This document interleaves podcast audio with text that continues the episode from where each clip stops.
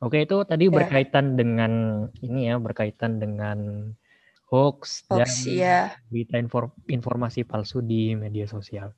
Uh, sebagai pengguna media sosial yang tujuannya kayak lebih ke konten kreator, lebih ke buat uh, apa? Buat konten gitu. Itu tuh kalau misalkan sampai kita tersangkut uh, masalah tentang penyebaran berita yang kurang benar tuh juga jadi takut nggak sih untuk berkreasi dan berekspresi di media sosial?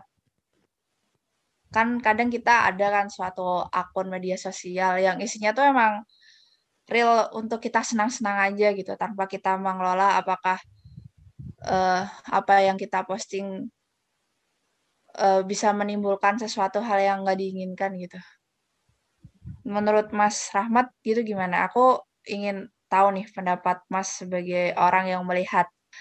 Mas punya punya itu nggak sih idola di Iya nih Mas, kan sebagai apalagi ini zamannya milenial banget gitu ya, zaman yang penuh dengan kecanggihan teknologinya gitu. Nah, kan semua orang bisa nih punya media sosial sendiri, bisa bikin berita atau konten-konten sendiri. Sebagai konten kreator nih ya Mas ya, kadang tuh aku uh, sering mengekspresikan sebuah karyaku ke media sosial pribadi aku gitu. Tapi kadang tuh tetap tet ada aja gitu orang yang suka uh, ujaran kebencian di media sosial kita gitu. Nah, kalau Mas Rahmat sendiri nih melihat, mungkin ada kan ya pasti konten kreator atau orang yang Mas ikutin di media sosial gitu. Nah, itu menurut Mas, apakah semua berita yang mereka sebar itu selalu kayak ngomporin diri Mas gitu nggak sih? Sering atau malah mereka itu berkreasi dan malah menambah wawasan buat Mas Rahmat gitu. Oke, jadi kalau untuk apa namanya soal ini ya soal pembuatan konten media sosial untuk pribadi itu kan memang ini ya memang sudah zamannya gitu. Itu sudah karena fasilitasnya membuka jadi semua orang berlomba-lomba untuk membuka atau membuat konten gitu ya.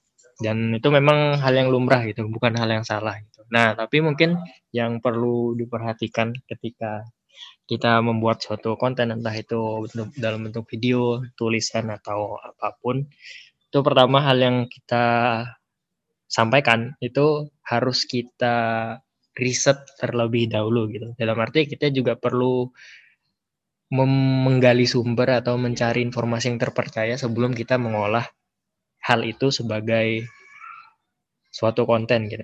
Kalau misalnya Mbak masih ingat itu kan beberapa waktu yang lalu ya itu ada salah seorang youtuber gitu ya yang mengundang pakar. Nah tapi ternyata setelah di cross check pakarnya itu ternyata adalah bukan pakar dan informasi yang dia sampaikan itu ternyata adalah informasi palsu gitu. Dan mungkin sering kali orang yang eh, konten-konten kreator tuh mungkin sering tidak sadar ya bahwa ketika misalnya mereka membuat suatu konten itu kan sering kali ketika ditegur seperti misalnya kasus youtuber tadi kan sering kali berkilah atau berdalih alasannya yaitu saya kan cuma sekedar menyampaikan gitu tergantung kalau masalah kebenaran atau tidaknya itu tergantung dari pembacanya. Padahal sebenarnya sebagai seorang konten kreator itu kita punya tanggung jawab dalam menyampaikan kebenaran informasi ke konsumen gitu atau ke pendengar gitu. Jadi ketika kita ingin membuat konten ya otomatis kita harus memfilter dulu nih apa yang kita ingin sampaikan gitu dan kita tidak bisa berlepas tangan ya misalnya kalau misalnya kita konten kita ketika misalnya ada suatu kesalahan atau uh, dikritik orang karena kurang akurat atau atau gimana gimana karena itu memang tanggung jawab seorang konten kreator gitu untuk menerima feedback dari pembaca atau penonton yang menonton konten kita gitu. Misalnya kalau saya buat artikel nih, terus ada ada seseorang yang nggak setuju, ya itu bagian dari hak mereka untuk tidak setuju gitu. Karena uh, ketika kita melemparkan suatu konten ke publik atau kita kita kita, kita mempost di Instagram atau di YouTube lah atau apa pun itu ya berarti kita secara otomatis sudah siap atau menerima konsekuensi ketika misalnya suatu kali apa yang kita sampaikan itu ada salah atau ada yang tidak pas lah gitu. Jadi tanggung jawab sebagai pembuat konten itu ada di kitanya juga sebagai yang menyampaikan informasi gitu. Jadi kita tidak bisa berlepas tangan. Wah ini saya cuma sekedar menyampaikan, jadi bukan tanggung jawab saya kalau misalnya itu hoax. Padahal itu masih termasuk ke tanggung jawab pembuat konten gitu. Nah, kalau misalnya yang saya atau yang bisa kita lihat ya gitu kan kalau misalnya ada yang tidak setuju atau tidak sepakat dengan satu isi yang disampaikan oleh konten kreator itu kan biasanya jadi debat panjang gitu. Terus bahkan yang paling paling ekstrim tuh sampai ada perdebatan pertengkaran yang menjurus ke hate speech gitu. Nah, Mungkin, uh, salah satu tips juga nih yang perlu kita perhatikan dalam etika bermedia sosial, yaitu ketika misalnya kita beradu pendapat atau menghadapi kritik, posisikan kritik itu sebagai diskusi yang sehat ya, dalam arti itu bukan kritik itu persep kita jangan mempersepsikan kritik atau komentar itu sebagai sesuatu yang buruk atau menjelekkan karya kita. Karena kan sering kali kalau kita berbicara kritik kan konotasinya negatif nih. Ini orang nggak suka hmm. sama konten saya atau gimana. Tapi bisa jadi yang mengkomentar itu punya perspektif lain yang itu bisa menambah perspektif kita juga sebagai konten kreator dan orang-orang yang menyaksikan konten kita misalnya pihak ketiga atau apa pun yang tidak ikut berkomentar tapi juga ikut menonton jadi punya dua sudut pandang nih pertama dari dari pembuat konten kreatornya dan dari uh, yang komen gitu sebagai pemirsa atau penontonnya gitu dan itu justru bisa melahirkan apa ya ruang ruang publik atau ruang digital yang lebih sehat gitu. Nah kan sering kali yang kita lihat di media sosial di Instagram atau Twitter tuh kan ketika ada perdebatan soal apa pun itu kan sering kali itu menjurus atau terlalu melebar ke jadi nyerang pribadi lah terus menjelek-jelekan keluarga lah atau apa pun lah itu bullying. sampai nah, nah nah itu jadi cyberbullying padahal eh, kalau kita lihat sebenarnya itu juga bagian dari apa ya bagian dari praktek demokrasi dan berpancasila kita di ruang digital di mana memang orang-orang di sana itu memang berbeda, beda pandangan, beda latar belakang dan kalau misalnya ada perbedaan itu wajar aja. Jadi bukan sesuatu yang buruk atau sesuatu yang jelek, tapi kita juga harus menerima itu sebagai konsekuensi konten kreator ya karena kita udah mempublish karya kita ya berarti mereka punya hak juga untuk mengomentari karya kita gitu.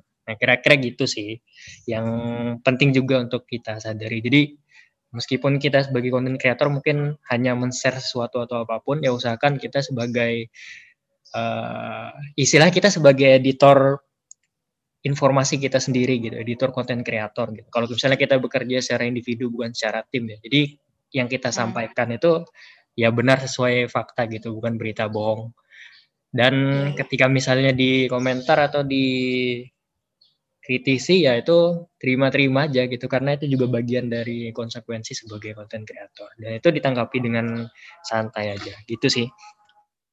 Ya soalnya kalau sebagai dari sisi konten kreator ya karena kan ada anggapan juga kalau seni itu nggak pernah salah kayak gitu loh mas. Jadi kalau kita bikin itu sebenarnya ya kritik tuh kan wajar ya yang kayak kata Mas Rahmat kalau nggak selalu kritik tuh konotasinya negatif kayak gitu. Itu malah kadang juga bisa membangun diri kita sebagai konten kreator untuk lebih baik gitu lebih tahu gimana sih uh, pendapat dari orang yang melihat konten kita gitu. Jadi kita bisa satu langkah lagi untuk lebih baik gitu sih. Nah terus kalau buat masalah kita lihat uh, misalkan ada ada postingan untuk share tentang sesuatu hal yang menurut kita benar gitu ya. Ya udah kalau misalkan kita nggak nggak sependapat harusnya kita juga tidak usah mengkomporin di itu di room chat atau di chat. Apa sih kadang kita kayak lihat komentar gitu kan lihat komentarnya kayak lebih ke ngomporin gitu ya lebih kayak ke manas-manasin orang agar ikut-ikutan untuk mengujar kebencian. Nah, kalau dari saya pribadi itu kalau misalkan kita lihat konten yang seperti itu, kalau kita nggak suka ya udah kita tinggalin gitu, nggak usah ikut-ikut manasin gitu. Gitu sih. Nah, itu benar juga tuh. Jadi kadang kala memang kita juga harus ngelihat ini ya apa namanya situasi kondisi ketika kita ingin memposting sesuatu jadi bisa jadi kan ketika kita nih sebagai konten kreator itu punya persepsi wah ini tujuan saya memposting ini misalnya. Misalnya kita mau posting suatu meme atau suatu komedi tentang suatu kejadian tertentu ya misalnya. Nah terus ketika kita memposting itu ternyata ada satu pendapat. Oke lanjut ya. Jadi tadi menanggapi apa namanya tentang tanggapan atau pendapat bahwa ya sering kali memang konten kreator itu menganggap bahwa mungkin suatu karya itu tidak bisa dikatakan salah atau bagaimana. Cuma mungkin yang perlu kita perhatikan juga sebagai sesama konten kreator atau cara beretika di media sosial nantinya itu ketika misalnya kita membagikan suatu konten itu mungkin kita punya persepsi yang berbeda dengan Eh, orang-orang di luar sana. Misalnya ketika kita ingin memposting suatu meme atau suatu komedi gitu ya yang berkaitan dengan satu topik atau hal yang sekarang sedang berkembang.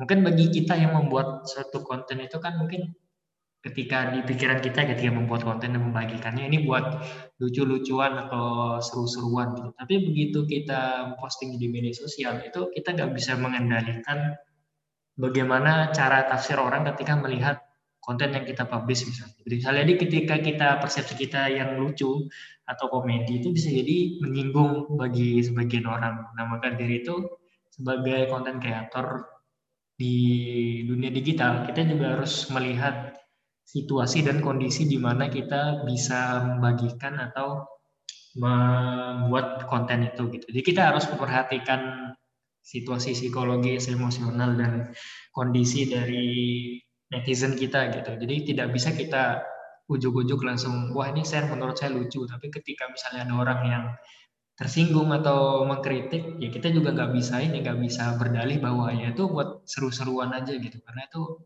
satu karya saya gitu. Jadi karya saya kan nggak bisa salah gitu tergantung uh, persepsi orang mau menilainya gimana. Nah itu itu juga sebenarnya kurang tepat juga sih karena memang ketika kita mempublish sesuatu di media sosial itu ya tanggung jawab moral untuk bertanggung jawab atas isi konten itu tetap kembali ke kita lagi gitu. Jadi bukan kita melepas begitu saja gitu. Jadi ketika misalnya ada tanggapan yang berbeda yaitu merupakan konsekuensi lumrah yang uh, harus dipahami juga gitu. Dan uh, kita juga sering kali ketika memposting itu juga mungkin harus sedikit memperhatikan batasan-batasannya atau larangan-larangan. Misalnya kita tidak boleh membagikan hal-hal yang berbau sara, misalnya yang berbau menjelekkan satu suku, agama, atau ras golongan tertentu, terus kemudian tidak boleh mengumbar privasi seseorang tanpa sepertujuan mereka, terus kemudian membagikan konten-konten yang berbau kekerasan, uh, mengeksploitasi seksualitas dan segala macamnya. Dan itu juga perlu kita perhatikan dalam uh, membuat konten kita gitu. Tapi sering kali dan sering kali memang kadang kadang-kali hal-hal seperti yang seperti ini tuh sering diabaikan gitu oleh para konten kreator. Jadi mungkin itu sedikit tambahan sih supaya apa yang kita bagikan itu memang sesuai dengan tujuan kita untuk memberikan manfaat atau mungkin hiburan kepada mereka yang nanti menonton atau menyimak konsumsi konten yang kita bagikan gitu. Jadi kita membuat suatu ruang digital yang lebih sehat dan terbebas dari hate speech, informasi palsu dan macam-macam kejelekan lainnya. Itu sih kalau tambahannya. Ya mas, benar banget. Mari kita bersama-sama menciptakan ruang digital yang sehat. Oke, mungkin karena sudah memasuki waktu asar ya, mungkin kita yeah. sudahi dulu untuk percakapan kita mengenai etika bermedia sosial di ruang digital.